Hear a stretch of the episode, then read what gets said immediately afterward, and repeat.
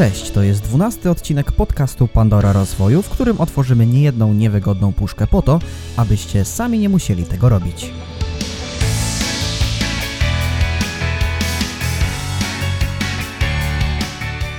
Dzisiaj porozmawiamy o tym, jak wycenić swoją pracę, czy warto obserwować ceny konkurencji oraz ile zarobił Dawid Świstek podczas akcji promocyjnej na Black Friday.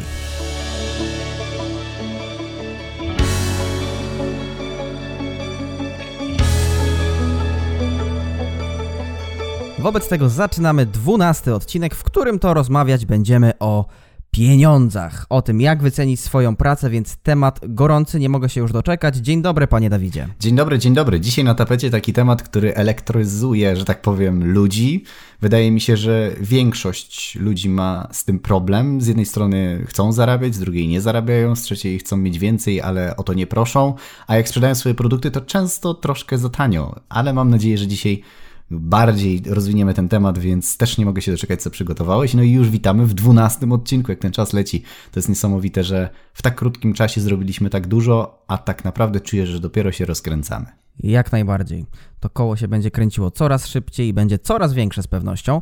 A jak przed chwilą wspomniałeś, wiele osób ma problem z wycenieniem swoich produktów czy usług i taką, taki wniosek, taką tezę e, możemy powiedzieć na przykładzie licznych kursów, które traktują właśnie o tym temacie, jak wycenić swoją usługę. No i teraz pytanie, czy można pójść kluczem podobieństwa, czyli zobaczyć ile kosztują podobne usługi czy produkty konkurencji, e, czy lepiej iść jakimś własnym kluczem i wyceniać to na podstawie własnych wartości. Jaka jest Twoja strategia e, i czy jest w ogóle jakiś jeden właściwy sposób wyceniania swoich produktów lub usług? Wiesz co, kiedyś usłyszałem takie zdanie, że produkt jest tyle warty, ile jest w stanie za niego zapłacić klient.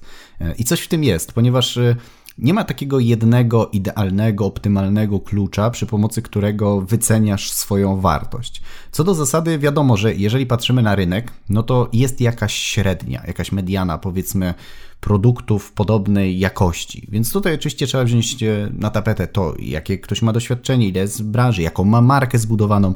Jeżeli nie ma marki, no to wiadomo, że to też może wpływać na finalną cenę. Czy masz już grupę odbiorców, jak bardzo ludzie pożądają i czy jest duży popyt na Twoje produkty lub usługi. Więc tu jest wiele zmiennych, które trzeba zawsze wziąć pod uwagę. Natomiast co do zasady, zwróć uwagę, że są sprzęty, na przykład elektroniczne, które kosztują 500-1000 zł, a są produkty znanych marek, które potrafią kosztować 7-8 tysięcy za dokładnie podobną funkcjonalność. I teraz ja co do zasady mam takie założenie, że warto zobaczyć, mm, ile ma konkurencja, e, jak się wycenia, jakie są mniej więcej stawki, żeby zobaczyć te widełki i samemu sobie odpowiedzieć, która z tych kwot jest w dzisiaj dla mnie ok.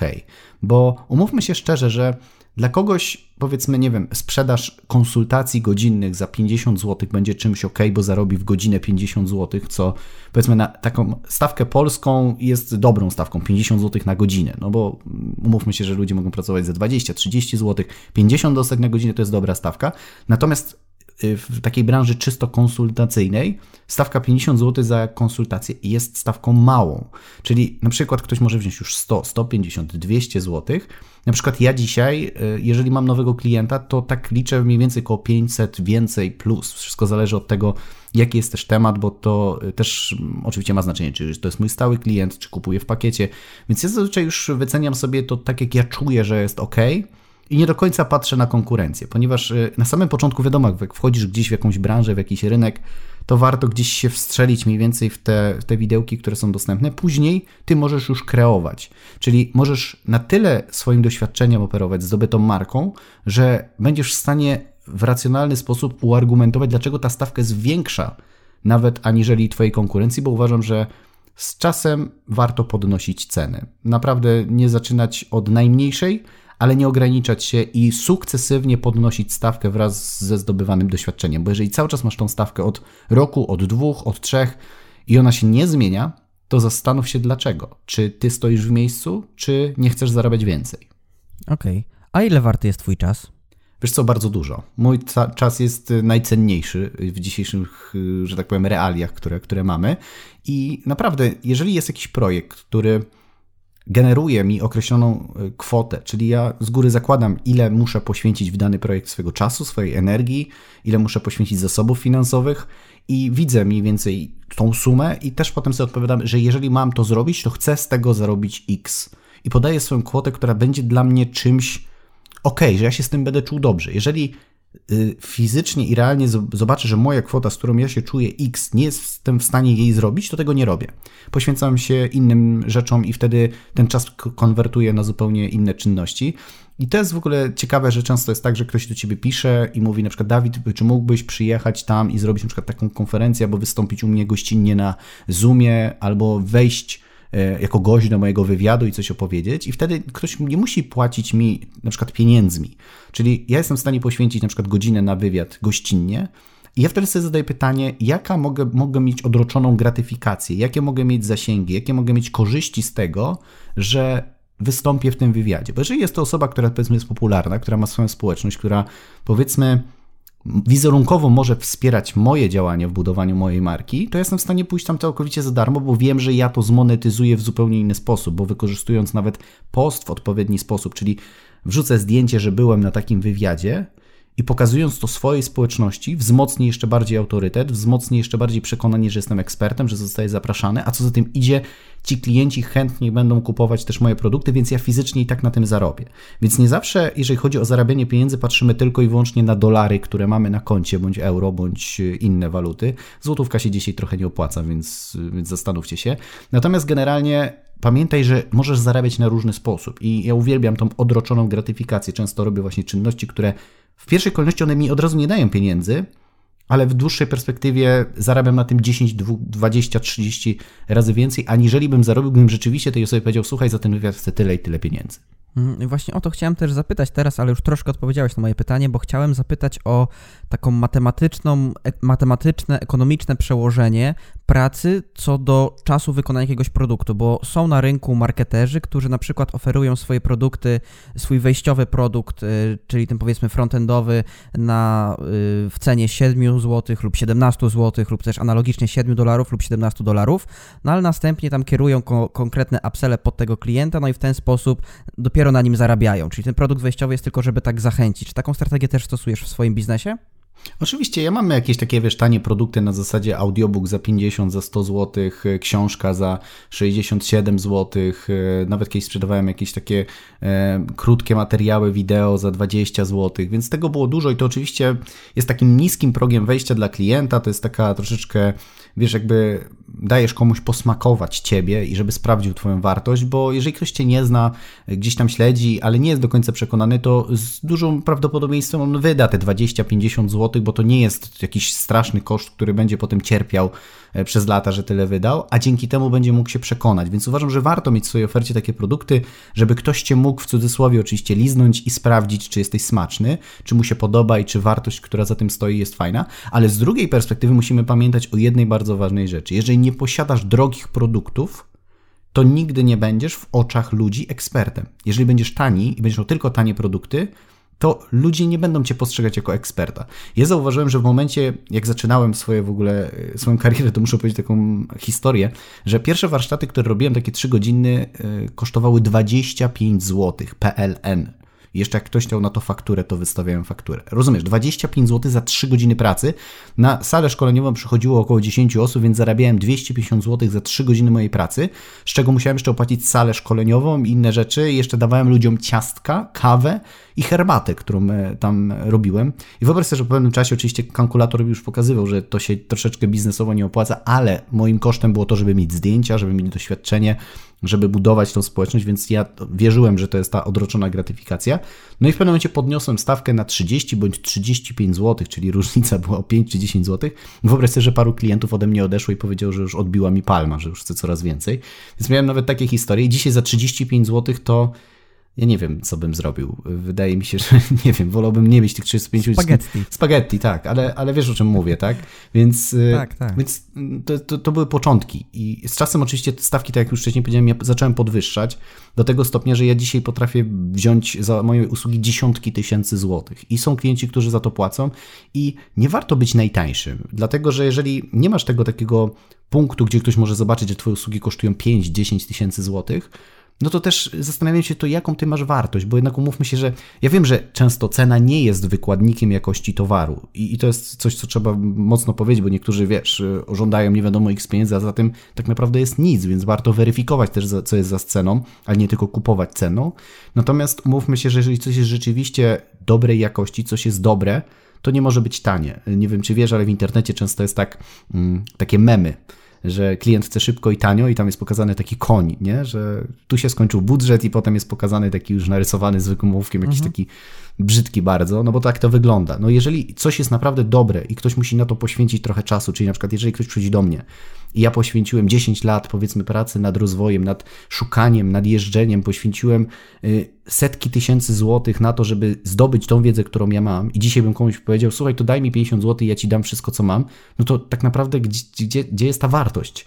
Pamiętaj, że ludzie płacą duże pieniądze za wartościowe produkty i, i to nie ulega wątpliwości. I to jest też to, że często ludziom się wydaje, że że nie ma takich klientów. Są, tylko ty nie dajesz sobie dostępu, ale też warto zacząć od siebie, bo to jest y, też bardzo ważne, co chciałbym, żebyśmy może rozwinęli mm, w jakimś pytaniu być może, że jeżeli samemu powiedzmy nie płacimy komuś więcej za wartościowe rzeczy, tylko próbujemy kombinować, próbujemy negocjować i cały czas obcinać cenę i kupować wszędzie, gdzie jest najtaniej, no to z jednej strony ekonomicznie jest to zasadne, ale z drugiej strony to działa też w ciebie, bo ty masz takie wrażenie, że wszyscy chcą też zrobić tak z tobą. A jeśli dobrze zrozumiałem, e, Twoim zdaniem wizerunkowo dobrym podejściem jest na przykład wystawienie e, jednego produktu, załóżmy jakiś pakiet mentoringowy za 5-10 tysięcy złotych na swoim sklepie, który będzie w otoczeniu tych produktów nieco tańszych, powiedzmy tam za 100 złotych czy za 50 złotych i tak dalej? Jak najbardziej, dokładnie tak. Musisz mieć produkty tanie, musisz mieć produkty drogie, ale musisz mieć też produkty elitarne, czyli takie, które nie są dostępne dla każdego. To też buduje dużą wartość. Ja mam takie szkolenie, e, które odbywa się w Bieszczadach. Jego nie znajdziesz na mojej stronie internetowej. Teraz słuchacze mogą próbować szukać. Możecie sobie spróbować znaleźć ofertę. Jest to oferta, która jest w pięciocyfrowej kwocie. Jest to tygodniowy wyjazd w Bieszczady, ale ja na te Bieszczady zapraszam tylko i wyłącznie klientów, którzy u mnie już coś kupili. To są klienci, którzy e, ze mną rozmawiali. Ja o tym tylko informuję w takiej formie, w jakiej na przykład teraz, że ty wiesz, że coś takiego jest i ty musisz się do mnie zgłosić, ze mną porozmawiać, żebym chciał ci to zaoferować. Czyli tam nie ma przypadkowych osób i to też są takie produkty, które nie są szeroko dostępne. Więc warto gdzieś zawsze wspominać, że coś się dzieje, ale nie można tego tak łatwo kupić. To zresztą działa też taka reguła niedostępności, jeżeli mówimy tutaj już stricte o wywieraniu wpływu. Natomiast ja uważam, że warto mieć produkty tanie dla osób, które nie mają budżetów i to jest ok, żeby im też dać wartość. Z drugiej strony produkty z takiej średniej półki, które są bardziej zaawansowane, ale też produkty premium. I w tym momencie też y, jest tak, że bardzo często y, klienci z tej półki premium generują ci 80% przychodów. I też tam poświęcasz swoją energię, swój czas, ponieważ wtedy możesz to w bardzo szybki sposób monetyzować.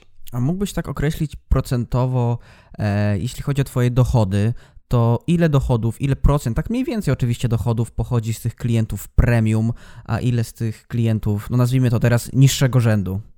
Zdecydowanie powyżej 80%. Ja powiem Ci szczerze, że naprawdę mam dużo klientów takich premium, premium, którzy płacą bardzo duże kwoty za moje usługi i to są klienci, którym jestem w stanie poświęcić maksymalny czas, ile że tak powiem się da. Często ludzie tego nie rozumieją i czasami się dziwią, że ktoś kupił u ciebie e, książkę albo kupił u ciebie tylko audiobooka, tam wydał 50-80 zł i ty mu nie odpowiadasz na każde pytanie, o które on chce, albo prosisz go o wszystko. No musimy pamiętać, żeby też szanować samego siebie. Czyli to nie chodzi, żeby kogoś dyskredytować, ale siłą rzeczy, jeżeli masz na przykład w ciągu dnia 8 godzin swojej pracy i masz klientów dwóch premium, którzy ci generują 80% przychodów w twojej firmie, to ciężko, żebyś ten czas zabierał sobie, nie dawał im tego czasu, tylko poświęcał komuś, kto i tak u ciebie nie kupuje powiedzmy większej ilości produktów, bo on tego oczekuje. Wiesz, to jest troszeczkę takie dziwne, ale mm, osoby, które płacą najmniej i ciągle negocjują i chcą coraz niższe stawki, to są ludzie, którzy mają zazwyczaj, co do zasady, bardzo dużo problemów. W sensie bardzo często mają dużo roszczeń. Nawet kiedy pracowałem e, jeszcze jako sprzedawca w salonie telekomunikacyjnym, to też tak było, że ktoś przychodził, kupował abonament za 30 zł, najtańszy jaki był, a chciał najlepszy telefon i bardzo często z reklamacjami przychodzili właśnie tacy klienci. Ktoś, kto kupował abonament za 100 zł, tego klienta bardzo rzadko było widać. Znaczy, jak był problem, to bardzo tak jakoś, nie wiem, rzeczowo od razu zero-jedynkowo. I nie chcę tutaj oczywiście mówić, że jak ktoś płaci więcej, to jest mniej roszczeniowy, natomiast bardzo często jest tak, że ludzie, którzy nie chcą zapłacić, mają dużo większe wymagania, aniżeli jest to zasadne w stosunku do tego, ile zapłacili. Czyli ja mam na przykład tak się w życiu nauczyłem, że jeżeli komuś zapłaciłem mało, to nie oczekuję Bóg wie czego. W takim sensie, że ja mam tego świadomość, że jak kupuję tanio, to znaczy, że kupuję tanio i nie ma w tym wszystkiego. Jeżeli chcę ekstra, to muszę sobie za to dopłacić. Tak jest ze wszystkim, ze służbą zdrowia, z innymi rzeczami. Czyli nie mam takiej postawy roszczeniowej od życia na zasadzie, bo mi się należy, bo wydałem 20 zł, tylko jeżeli naprawdę chcę wymagać, to płacę odpowiednią kwotę danej osobie i wtedy mam prawo wymagać. Mhm. A czy stosujesz jakieś sztuczki psychologiczne podczas ustalania cen swoich produktów i usług? Czyli na przykład e, umieszczanie w cenie magicznej cyfry 7. Ja oczywiście znam odpowiedź, ale jako obiektywny redaktor muszę zadać to pytanie. Znaczy wiesz, no y, ja lubię manewrować cenami. Oczywiście siódemki się dobrze sprzedają i, i to jest stosowane w wielu różnych e, dziedzinach. Też końcóweczki zawsze niepełne, one powodują, że ta cena niby jest mniejsza, a nie większa.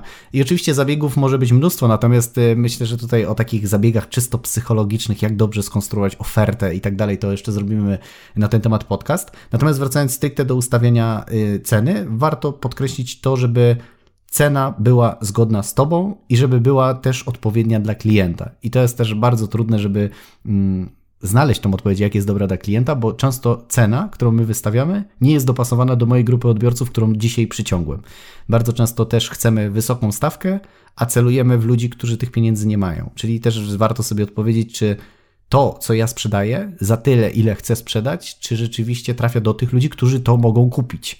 Bo jeżeli masz y, Mercedesa albo Porsche albo Ferrari, no to raczej gdzieś tam powiedzmy w miejscach, gdzie tych pieniędzy nie ma, no raczej salonu nie wybudujesz i, i tam nie będziesz latał od domu do domu, kupcie moje Ferrari, bo może tam nikt tego nie kupić na przykład, nie?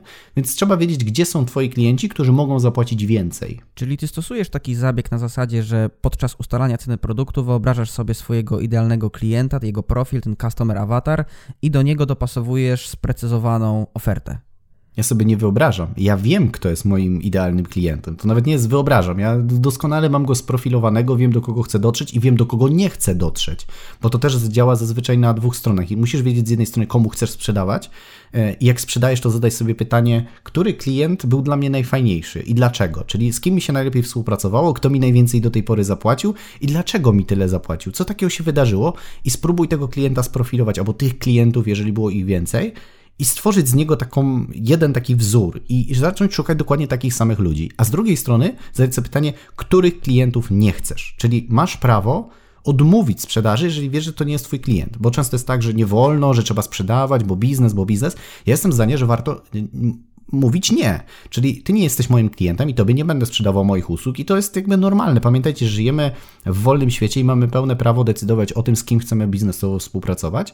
I na przykład na moich salach szkoleniowych, na moich kursach nie ma określonego typu ludzi i to mi też powoduje, że mi jest dużo łatwiej pracować, bo ja mam klientów takich, z którymi się dobrze współpracuję i tutaj pozdrawiam wszystkich moich stałych fanów, klientów. Bardzo wam dziękuję za to, że jesteście ale z drugiej strony z szacunkiem y, nie przyprowadzam celowo innych osób, żeby one mi nie niszczyły tego, jaką mam atmosferę w środku, bo wiem, że ta energetyka, której ja na przykład nie akceptuję, czyli takiej właśnie bardzo roszczeniowej, bardzo czepialskiej, takiej bardzo mm, ostentacyjnej albo górnolotnej, albo wywyższającej się, no takich ludzi po prostu nie, nie toleruję. Jeżeli widzę, że ktoś ma wyżej czubek nosa niż, niż, wiesz, niż głowę i po prostu y, lata w chmurach i uważa, że jest mistrzem świata bez względu na sukcesy, tylko po prostu ostentacyjnie emanuje, jak to ja mówię, swoją zajebistością, to tacy ludzie do mnie nie przychodzą na szkolenia, bo ja bardzo szybko bym taką osobę sprowadził do poziomu, w którym powinien zachowywać się jak normalny człowiek. Ja rozumiem, że mamy sukcesy, że chcemy się chwalić, ale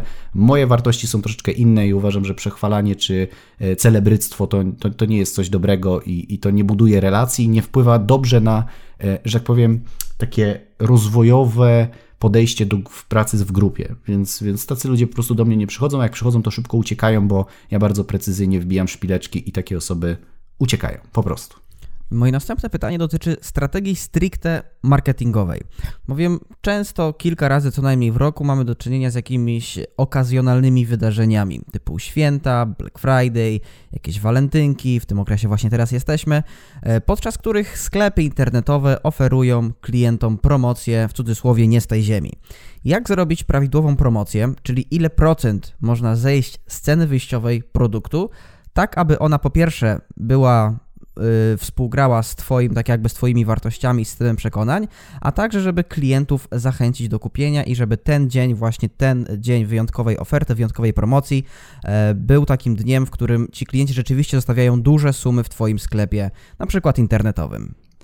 Wiesz co, ja ci powiem tak, e, pamiętajmy o jednej bardzo ważnej rzeczy, że e, klient, żeby kupił, musi mieć powód. Bardzo często nawet e, można zastosować taki prosty zabieg, wrzucić ofertę i powiedzieć, słuchajcie, dzisiaj jest święto wędkarzy, z tej okazji dostajecie 15% rabatu na X, tak? I, I ludzie kupują. Jak mają jakiś powód, to jest też udowodnione naukowo, że jak jest powód, jest promocja, no to trzeba kupić, tak? Bo jak nie ma powodu, że jest promocja, no to jest dziwne, czemu jest promocja, jak nie ma powodu, dlaczego jest promocja. Więc jak dajesz promocję, to musisz powiedzieć, dlaczego dajesz promocję, jaki jest tego powód. Czy wiesz, czy opróżniamy magazyny, czy po prostu zmieniamy asortyment, czy wprowadzamy nowy produkt i ten stary możemy sprzedać taniej i tak dalej. Ja też jestem zwolennikiem, żeby tych promocji nie robić za często, i żeby one też nie były jakoś turbo niskie. Jeżeli już robisz turbo niską promocję, to warto ją połączyć z czymś takim większym, czyli na przykład z jakąś akcją charytatywną albo z innymi takimi rzeczami, które będą po prostu argumentowały, dlaczego dałeś tak niską cenę, że nie chodzi tutaj głównie o zarobek, a o coś innego, tak? Więc to, to pójdzie na, dru na drugi plan.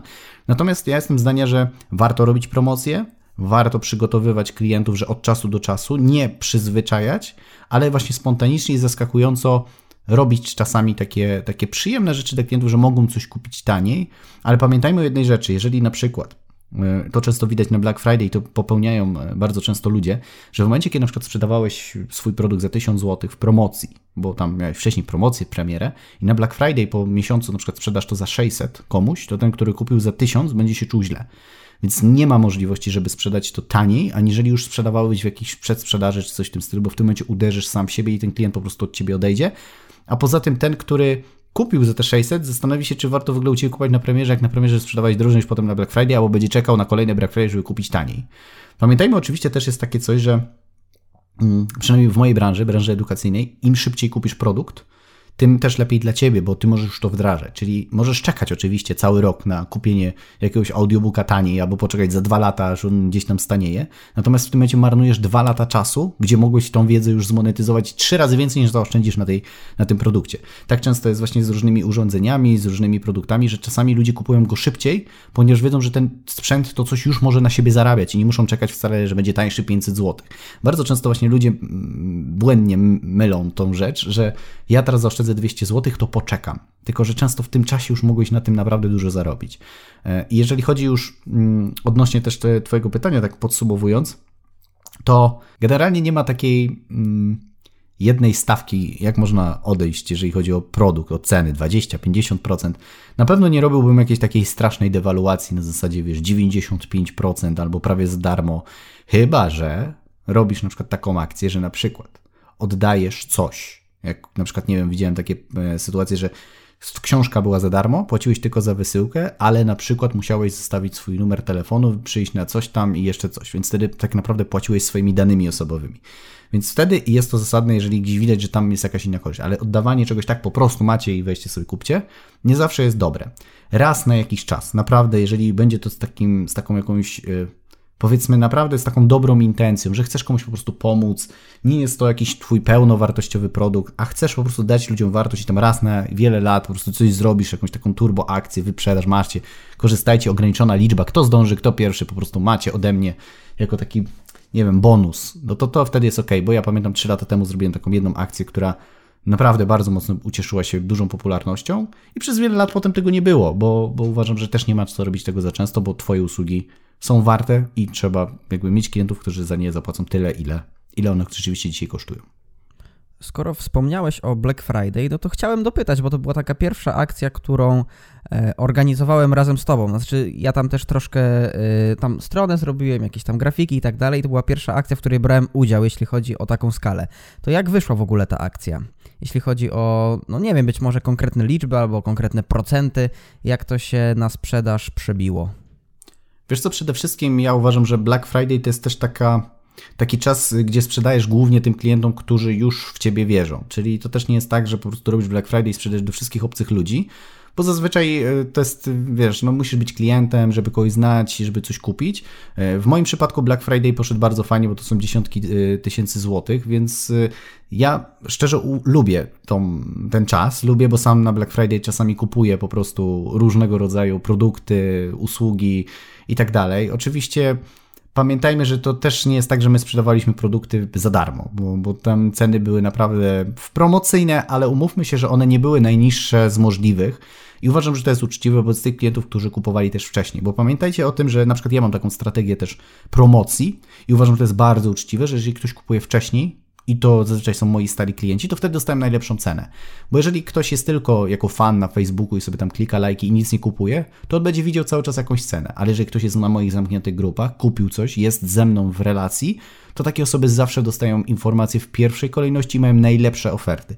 Nawet tak było w przypadku klubu profesjonalnego speakera, gdzie kiedy otwierałem klub, to wszyscy, 20-30 osób dołączyło jako moi stali klienci, bo dostali ode mnie wiadomości prywatne z naprawdę atrakcyjną ofertą dołączenia do klubu z dużą wartością. I moi klienci są mi bardzo wdzięczni, że zawsze wiedzą, że jeżeli napiszą do mnie, a są moimi stałymi klientami, dostaną na, naprawdę dobrą ofertę, a jeżeli ktoś nie jest moim stałym klientem i po prostu sobie śledzi, to musi obserwować taką promocję, jaka jest oficjalnie podana do e, dalszej, dalszej sprzedaży. Więc ja bardzo szanuję swoich stałych klientów i uważam, że to jest uczciwe, ale też daję oczywiście cenową możliwość dołączenia osób z zewnątrz, bo jeżeli ktoś już kupi raz, powiedzmy tam nawet w cudzysłowie drożej w promocji niż ci moi stali klienci, no to automatycznie on stanie się moim stałym klientem i wtedy ma szansę dołączyć do takiego grona, który będzie miał, że tak powiem, szybszą informację i szybsze możliwości korzystania z moich y, produktów premium w naprawdę fajnych cenach. No i a propos ceny też, e, takie pytanie, bez którego ten podcast chyba odbyć by się nie mógł, bo jedną z metod pozyskiwania klientów, jedną z metod marketingowych jest manipulowanie ceną, czyli oferowanie swoich produktów w cenie niższej niż na przykład u e, konkurencji. Czyli mamy ten sam produkt albo produkt bardzo podobny w dużo niższej cenie. No i zjawisko to jest powszechne, zwłaszcza na platformach typu Allegro, Amazon, eBay. E, czy Twoim zdaniem jest to strategia dobra i opłacalna? Przypadku tych samych produktów, tej samej jakości, no jeżeli nie można niczym innym E, że tak powiem, manewrować, no to wtedy no, to jest ok, więc na Allegro możemy, wiesz, mamy wędkę firmy X i jeżeli ktoś sprzedaje wędkę firmy X za 200, a ktoś za 300, no to siłą rzeczy, że bez sensu jest zapłacić 300 e, za to samo, tak? No chyba, że ktoś za te 300 daje ci coś jeszcze ekstra w bonusie i tam jest większa wartość, za którą warto dopłacić tę stówę. Natomiast w przypadku usług już bym tego nie robił. Ja generalnie nie jestem zwolennikiem obniżania stawki, jak ja to mówię, ściągania gaci.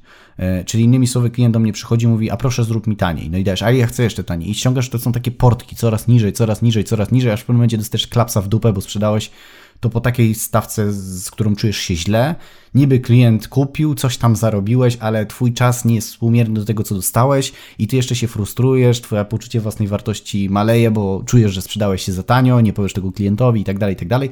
Więc ja zazwyczaj oczywiście czasami stosuję rabaty, daję, jak klient poprosi, to tam coś obniżymy, ale wolę raczej klientowi dać więcej, czyli zaproponować mu niższą stawkę, ale za na przykład większy pakiet, czyli innymi słowy, klient ma budżet 1000 i mówi, że moje, ja mówię, że moja usługa kosztuje 1500, no to w tym momencie mówi, ja mam tylko 1000, a ja mówię, no to za 1000 mogę zrobić mniej. Ewentualnie, jak zapłacisz 2000, to dostaniesz dwa razy więcej niż byłoby za 1500, ale zapłacisz mniej, jakbyś miał zapłacić nawet 3000, czyli musi zapłacić i tak więcej niż miał i wtedy dostanie więcej. Więc ja tak zazwyczaj negocjuję. Trzeba umieć obronić swoją cenę. To też jest bardzo ważne, że bardzo często ludzie chcą dostawać więcej, ale nie umiem jej obronić. Więc ja w pierwszej kolejności najpierw bym się skupił na tym, jak obronić swoją cenę, a dopiero potem mówić, że chcesz ją mieć w takiej, w takiej wysokości. Bo jeżeli powiesz, ja chcę 2000, a a dlaczego? Bo tak, no to w tym momencie no to nie mamy dyskusji, tak? No bo wiesz, jeżeli już chcesz więcej, to musisz ładnie tą cenę wybronić. Jeżeli ją ładnie i rzeczowo jesteś w stanie wybronić, no to automatycznie są klienci, którzy po prostu tyle za to zapłacą. Jako prowadzący mam teraz komunikat do damskiej części odbiorców Pandory Rozwoju. Drogie słuchaczki, zapamiętajcie, Dawid Świstek nie jest zwolennikiem ściągania gaci. Ja uważam, ja, ja, uważam, że generalnie ludzie nie powinni ściągać gaci, powinni szanować swoją pracę i swój czas. Żyjemy w takim świecie, którym no już mówiliśmy o tym na poprzednich podcastach, że są istotne pieniądze, bo pieniądze dają ci poczucie bezpieczeństwa, pieniądze dają ci poczucie takiego mm, możliwości realizowania pewnych rzeczy, inwestowania w różne rzeczy i jednak te pieniądze powinniśmy zarabiać. Rośnie stale pensja jakaś tam minimalna, rosną ceny produktów w różnych sklepach, produktów takich zwykłych typu chleb, zmienia się koniunktura, zmienia się sytuacja, zmienia się też Twoje doświadczenie, w związku z czym Ty musisz regularnie podnosić swoje stawki i przede wszystkim, co chcę bardzo mocno podkreślić i to, żeby wybrzmiało, zapamiętaj, drogi słuchaczu, jesteś warty więcej. I nie bój się powiedzieć więcej, bo często jest tak, że ty chcesz, powiedzmy, nie wiem, dzisiaj zarabiasz 2,5 tysiąca, chcesz zarabiać 3 i czujesz, że tyle jesteś warty i boisz się temu klientowi powiedzieć, bo boisz się, że go stracisz. Pamiętaj, że nie jesteś w stanie stracić klienta, zanim go nie pozyskasz. A miłym zaskoczeniem jest to, kiedy na przykład zarabiałeś 2,5 i nagle zaryzykujesz, wie pan co, 4. I ten klient powie, no dobra, okej. Okay. I wtedy nagle twój poziom tego, ile jesteś warty, nagle wzrasta o te półtora tysiąca. I wtedy nie boisz się już drugiemu klientowi powiedzieć, bo wiesz, że już jeden kupił. I potem tak to dzieje, bo ja tak sukcesywnie robię, czyli mam na przykład jakąś stawkę za jakieś e, szkolenie, za jakąś usługę, powiedzmy, nie wiem, 5000 złotych i potem nagle pisze klient, i zawsze to robię też wtedy, kiedy oczywiście dzieje się, czyli nie w sytuacji, kiedy wiesz, nie ma klientów i wtedy podwyższasz stawki, tylko wtedy, kiedy jest dobrze. Czyli masz popyt, y, masz spokój w głowie i wtedy warto zaryzykować. Wtedy jest idealna przestrzeń, żeby właśnie powiedzieć, chcę więcej za moją pracę, bo jestem bardziej dojrzały, jest to dużo bardziej wartościowe. I wtedy na przykład klient do Ciebie pisze maila i jesteś w stanie gotowy go stracić. Jeżeli powiesz jednemu, drugiemu, trzeciemu, że chcesz cztery i nikt nie zapłacił, no to rzeczywiście warto zastanowić się, czy może źle oferujesz, albo twoja, twoja jakość usługi jeszcze nie jest na tym poziomie ale bardzo często i to naprawdę wielokrotnie mi się powtarzało, że pisał do mnie klient, wszystko było ok, normalnie brałem 5, napisałem w mailu 7. I czekałem. I nagle klient mówi: Dobrze, zróbmy może za 6,5 i biorę, i nie ma dyskusji, może pan dzisiaj wystać faktury, od razu robię przelew. I to też jest oczywiście argument, który zawsze biorę pod uwagę, bo wiecie, jak to różnie bywa z klientami, że ktoś mówi, że kupuje, a potem czekasz na fakturę na przykład rok czasu, aż zostanie zapłacona, bo też takich klientów mam. Więc y, generalnie Trzeba pamiętać o tym, że jeżeli klient y, jest w stanie za to zapłacić, to zaryzykuj, po prostu. Jeżeli klient pyta, chce kupić, powiedz więcej. Od czasu do czasu. Czyli to nie jest tak, że z każdym klientem kolejnym robisz więcej, więcej, więcej, więcej, bo w tym momencie, wiesz, będziesz taki łapczywy. Chodzi o to, żeby sukcesywnie co, nie wiem, co 4 miesiące, co pół roku, co rok może robić sobie takie podsumowanie, ile zarobiłeś i, i, czy ten progres jest, że tak powiem, z tendencją zwyżkową. Oczywiście mamy, miejmy świadomość, że jest jakiś teraz kryzys i, to też może być, różnie się odbijać oczywiście, aczkolwiek nie jest to wcale wyznacznikiem tego, że ludzie nie wydają, bo wydają, ale w trochę innej formie niż wydawali do tej pory, bo dalej tyle samo pieniędzy jest na świecie. One nie wyparowały w jedną noc czy w rok, E, natomiast są troszeczkę w inny sposób wydawane, w innych obszarach i troszeczkę z inną częstotliwością oraz z innym przemyśleniem, że tak powiem. Natomiast dalej te pieniądze są, więc warto po prostu sobie tą stawkę podnosić. Ja regularnie z roku na rok moje usługi podwyższam. Więc e, jeżeli jeszcze czegoś nie kupiłeś, to sugeruję Ci nie zastanawiać się zbyt długo, bo być może okaże się za pół roku, za rok.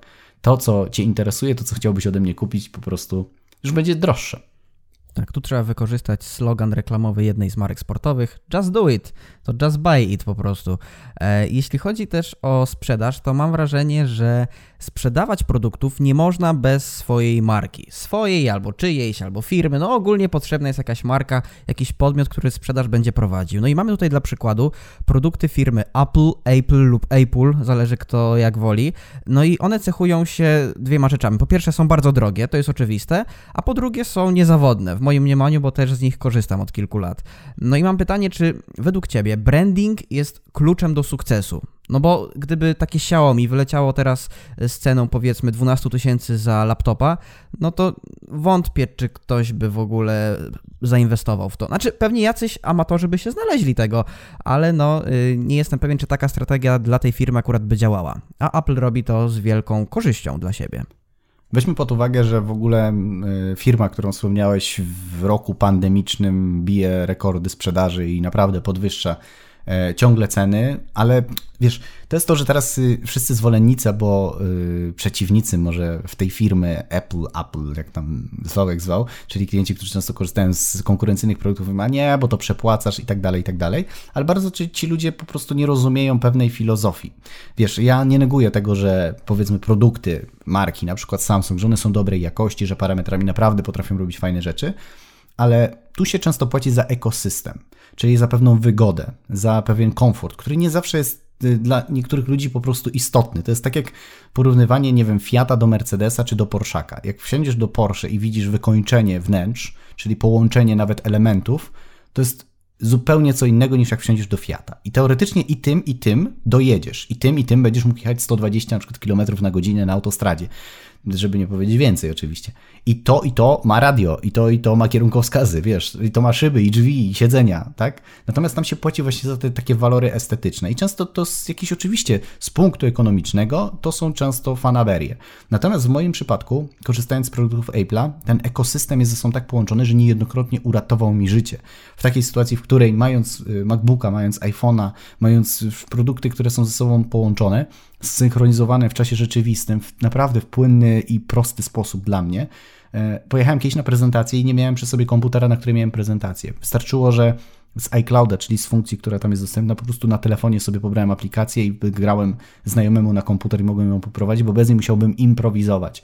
I mógłbym takich sytuacji naprawdę mówić wiele, y, więc ja nie jestem z tych, którzy będą kogokolwiek starać się przekonywać, że to jest dobry produkt, bo ja jestem daleki od tego. Ja rozumiem, że ktoś ma prawo wyboru, my żyjemy w wolnym świecie i każdy sobie płaci ile chce, ale budując taką markę, którą zbudowali mm, na bazie już tych, tych wielu lat, oni dają ci pewne poczucie bezpieczeństwa i y, pewnego zaufania, że to, co dostaniesz, będzie takiej jakości i nie ma możliwości, że to się zmieni, że będzie gorsze, że lepsze, że jeden model.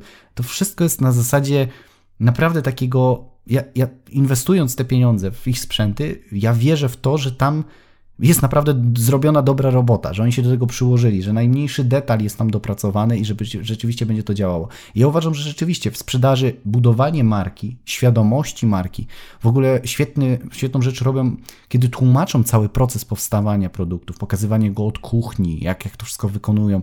To, to wszystko jest y, oparte o pewną historię, ludzie tym żyją, czyli to nie jest tylko i wyłącznie tak, jak wielu ludzi myśli, że produkt się kupuje na papierze samymi cechami, parametr, czyli procesor, coś. Ludzie często żyją produktem, w takim sensie, że czujesz się częścią pewnej społeczności, pewnej grupy, pewnego takiego, to się nazywa taką sprzedażą socjalną fachowo, bo na przykład weźmy sobie pod uwagę e, Harley'owców.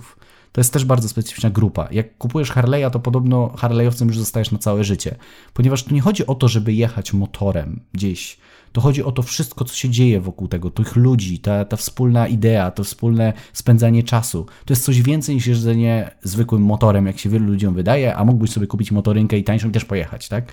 Wiesz, to ludzie często tego nie rozumieją, tego konceptu y, sprzedaży socjalnej, czyli bycia częścią czegoś. I właśnie produkty Apple'a robią coś takiego, że czujesz, że jesteś częścią pewnej grupy, pewnego jakiegoś takiego trendu, być może jakiejś takiej specyficznej marki, która ma jakąś wizję na siebie. I za tą wizję po prostu ludzie płacą większe pieniądze. I tak jak wspomniałem, są ludzie, którzy za nie zapłacą. Chociaż ty, ekonomista, twardy, rzemieślnik na papierze, będziesz szukał mi danych, żeby udowodnić, że to ekonomicznie nie jest ok. Ale sama świadomość często tego, że jesteś częścią czegoś, powoduje, że czujesz się lepiej, a to może wpływać na to, że będziesz zarabiał więcej pieniędzy. Czyli nie zawsze to, co jest na papierze, jest tylko tym, na co powinniśmy zwracać uwagę, ale na to, co może się jeszcze zadzieć później. Bardzo często jest tak, że przykład ludzie jeżdżą na szkolenia do trenerów, którzy powiedzmy dają im coś więcej, nie dlatego, że ten trener powiedzmy jest lepszym ekspertem niż ktoś, kto tam siedzi nad książkami i po prostu ma turbo wiedzę, ale że ten człowiek daje im coś więcej. I to jest też bardzo istotne, że kiedy sprzedajesz, nie opiera się tylko na danych na liczbach. Zawsze trzeba dać coś więcej. I sprzedaż socjalna, poczytaj sobie w internecie, to jest bardzo, bardzo mocny i zaawansowany koncept. Jak się robi dobrze, to ceny mogą iść naprawdę w górę. Mhm. Y, przypominam, że jest to odcinek e, podcastu Pandora Rozwoju. No i tutaj musimy otworzyć kolejną puszkę. Mianowicie, panie Dawidzie, ile w Polsce zarabia trener? To jest bardzo dobre pytanie. Y, potrafi zarobić dużo i potrafi zarobić mało. Generalnie widzę też takie, takie dwa, dwie szkoły bycia trenerem w Polsce przynajmniej. Jest taka grupa bardzo e, którą oczywiście jakby szanuję i, i to nie ulega żadnej wątpliwości, że oni głównie pracują powiedzmy w takich y, bardzo korporacyjnych środowiskach, zarabiają x pieniędzy, I te osoby raczej nie reklamują się zbytnio. W takim sensie, że nie widzę, żeby prowadziły bardzo aktywnie swoje blogi, jakieś działania na YouTubie. Czyli nie są taką marką, jak ja to mówię, dostępną dla szerokiego konsumenta, a bardziej zamkniętą. No i tam są pewnego rodzaju już hermetyczne stawki w tych branżach, bo tam się płaci po prostu za godziny albo za dzień szkoleniowy i nie ma zbytnich tam, wiesz, możliwości wariancji. To jest taki jeden typ. A drugi typ to są właśnie ludzie, którzy są bardzo dostępni, którzy zainwestowali czas i swoje pieniądze, żeby nie tylko iść tą drogą taką bardzo korpo, ale też są dostępni dla wszystkich, budują swoją markę i ta ci trenerzy, takie grupy e, mogą zarabiać naprawdę nieograniczone pieniądze. I tu nie mówimy o kwotach 10, 100 tysięcy, a nawet w milionach złotych. I, I to są naprawdę wysokie kwoty. I często jest tak, że właśnie ci trenerzy z tych hermetycznych środowisk krytykują tamtych, kiedy widzą, że tamci tyle zarabiają, bo oni wiedzą, że tyle nie zarabiają, ale to jest też ich troszeczkę wybór. Ja bardzo często widzę taki w naszym środowisku, i to jest być może trochę puszka, że ludzie, mm, którzy pracują w zawodzie trenera, powinni mieć bardzo wysoki, y, wyrobiony iloraz takiej inteligencji emocjonalnej, empatii i jakiejś takiej sztuki komunikacji, a bardzo często w mojej branży obserwuję coś takiego, że jeden na drugiego naskakuje, że jeden drugiemu wygarnia, że ten tylko fame. I często jest to pod przykrywką, że on jest nienaukowy albo on jest jakiś tam, a często sami ci trenerzy robią rzeczy, które nie są naukowe, ale po prostu muszą się do czegoś przyczepić, żeby uargumentować to, że oni nie zarabiają tyle, ile by mogli, bo często nie wykorzystują tego potencjału, który przed nimi po prostu stoi. Ja nie jestem oczywiście zwolennikiem robienia celebryctwa na scenie, bo też takich trenerów oczywiście w Polsce mamy, którzy po prostu, wiesz, wychodzą, robią show i pustymi emocjami też keszują ludzi, nazwijmy to brutalnie, i zarabiają grube pieniądze w milionach złotych. Natomiast też takie bierne czekanie, że klient sam przyjdzie, bo ty masz e, milion certyfikatów i przeczytałeś tryliard książek i po prostu jesteś ekspertem, siedzisz za biurką, bo ja jestem ekspertem i mnie powinni ludzi sami znaleźć, no to też jest złudne. Ci, którzy potrafią robić marketing, ci, którzy potrafią się reklamować, potrafią się sprzedać, zarabiają więcej. I tu naprawdę mówimy o kwotach rzędu kilkuset tysięcy złotych y, dla niektórych trenerów rocznie, a nawet niektórzy zarabiają set tysięcy miesięcznie. Więc e, to są oczywiście stawki, które są możliwe. Wiadomo, że nie na samym początku. Wszystko zależy od Twojego doświadczenia, od zbudowanej marki osobistej, bo uważam, że na tym rynku, jak nie masz marki osobistej, to ciężko Ci będzie samą wartością i samą wiedzą sprzedawać za wysokie kwoty. Jeśli ktoś sięgnął po Twoją książkę, przesłuchanie mówcy, to z pewnością wie, jakie są Twoje stawki za szkolenie. Ale to pytanie chciałem też zadać tutaj, w podcaście. Nie wiem, czy na nie odpowiesz, czy nie. Czy zostawisz tych widzów w niepewności, którzy jeszcze, znaczy słuchacze w niepewności, którzy nie czytali Twojej książki? Ja powiem w taki sposób. Warto kupić książkę i przeczytać za wiedzę, która tam jest. Oczywiście jest pytanie odnośnie moich stawek, natomiast pisząc tą książkę w zeszłym roku, te stawki już uległy zmianie. Więc te osoby, które chcą poznać moje nowe stawki, muszą się do mnie zgłosić i zapytać. Okej. Okay. A jedno pytanie na sam koniec już. Ile zarobiłeś w roku 2020, bo pewnie podsumowanie już robiłeś. I teraz proszę użyć wszystkich chwytów retorycznych, erystycznych, które znasz, chyba że chcesz odpowiedzieć na to pytanie. Wiesz, to jest bardzo dobre pytanie. Generalnie, gdybym miał e, powiedzieć kwotowo, no to to jest jakaś tam kwota. E, gdybym mógł e, wycenić rzeczy, które zrobiłem ponad to, które są wartościowe i które nie zawsze jesteś w stanie przeliczyć na pieniądze, to też bym mógł. No ale to, to nie są małe kwoty. Umówmy się szczerze, że ten rok, pomimo tej pandemii, był dobrym rokiem. Mogę powiedzieć, że oczywiście nie był jakimś wybitnym e, rokiem, bo wiele zleceń, naprawdę, i to ludzie też muszą zrozumieć, że nasza branża została dotknięta ogromną ilością ograniczeń i to nie jest tak, jak na przykład mają hotele, że hotele mogą sobie działać teraz w trybie 50% i tak dalej, bo nasza branża nie ma żadnych możliwości tak naprawdę zgodnego, oczywiście nie oceniając już, czy rozporządzenia, czy są prawnie zasadne, czy nie, że my nie możemy prowadzić konferencji, my nie możemy prowadzić wielkich szkoleń, które były naprawdę dużą trampoliną często dla trenerów, bo wystarczyło pojechać na konferencję, zrobić dobry speech 30-60 minutowy i nagle potrafiłeś znaleźć klientów na dziesiątki tysięcy złotych w ciągu 30-40 minut.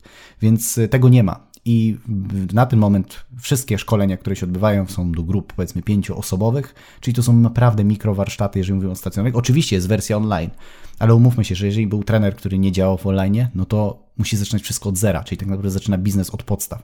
Budowanie, w ogóle sprzęt, cały ekosystem informatyczny, nauczenie się obsługi programu, tego wszystkiego, to zajmowało dużo czasu, więc mm, jeżeli mówimy o tym roku, to ten rok, y, nie chciałbym go podsumować, bo dużo rzeczy się zadziało takich, których w ogóle nie planowałem. Dużo rzeczy się przeniosło na ten rok. Myślę, że jak będziemy nagrywać ten podcast, to powiemy taką kwotę w przyszłym roku pod koniec, bo czuję, że ten rok będzie wyjątkowy pod wieloma względami, a sam wiesz, jak dużo rzeczy planujemy, więc poczekajcie do końca roku. Jak najbardziej, ale takie pytanie na koniec paść musiało. No bo to był oczywiście dwunasty odcinek podcastu Pandora Rozwoju, w którym e, Dawid Świstek wraz ze mną e, otworzyliśmy niejedną niewygodną puszkę po to, abyście sami nie musieli tego robić. Przypominam o tym, że podcastu możecie słuchać na przeróżnych, rozmaitych platformach streamingowych, m.in. Apple Podcast, Spotify czy Google Podcast. Cały czas obserwuję statystyki, cały czas rośnie liczba followersów, liczba odtworzeń, liczba pobrań, co mnie bardzo cieszy i pewnie Dawidzie Ciebie również cieszy, ale to jest oczywiście banał, trywializm, bo każdy o tym wie, że cieszy to twórcę, że liczba odsłuchań i słuchaczy rośnie. E, przypominamy także o tym, że możecie dołączyć do grupy Pandora Rozwoju społeczność słuchaczy, na której to jest coraz więcej tematów. Dzisiaj rano widziałem jakiś doszedł kolejny, ciekawy, chciałem o niego zapytać, ale może e, o to zapytam już po podcaście. E, e, I to chyba wszystko z mojej strony. Czy chciałbyś coś jeszcze dodać na koniec? Chciałbym powiedzieć na pewno tak jako takie podsumowanie, żebyśmy byli świadomi tego, że możemy być warci więcej pieniędzy niż nam się wydaje. Uważam, że warto być odważnym i odważnie mówić, że chcemy zarobić X. Czasem lepiej jest mieć mniej klientów, którzy zapłacą ci więcej, niż mieć więcej, którzy zapłacą ci mniej, ponieważ wykonasz mniej pracy, a więcej zarobisz, a przy okazji ty będziesz czuł się zgodny z tym, że zarabiasz tyle, ile uważasz, że powinieneś. Nie warto ściągać gaci, nie warto obniżać ceny, żeby tylko zarobić, no chyba, że masz sytuację, że musisz. Dlatego pamiętaj o tym, żeby dobrać taką stawkę za swoją pracę, żebyś ty czuł się z tym dobrze, że jesteś w miejscu, w którym masz taką świadomość, że nie zarabiam tyle, ile potrzebuję, to zastanów się, jak mogę tą stawkę podwyższyć. I nie bój się tego i powiedz odważnie światu: jestem warty więcej. I konsekwentnie w pewnym momencie, jak będziesz tak działał, zobaczysz, że znajdą się ludzie, którzy będą ci płacić. Bo gdybym ja kiedyś sobie powiedział, że będę zarabiał takie stawki, które zarabiam w dniu dzisiejszym kilka lat temu, to bym prawdopodobnie nie uwierzył ale właśnie takie podejście regularnego, czy nieskokowego wzmacniania, że tak powiem, mojej stawki i podwyższania jej, za to, jak moja wartość rosła, moje doświadczenie, kompetencje i to, co dawałem ludziom, no to dzisiaj y, jestem w zupełnie innym miejscu. Więc podnoś stawkę, nie stój w miejscu, a zobaczysz, że Twoje życie się zmieni. I pamiętaj, bądź świadomy, bo to jest krok do sukcesu. Piękne resume na koniec tego odcinka. E, z naszej strony to wszystko i życzymy Wam wszystkim dobrego dnia, dobrego wieczoru i do usłyszenia. Do usłyszenia w następnym odcinku.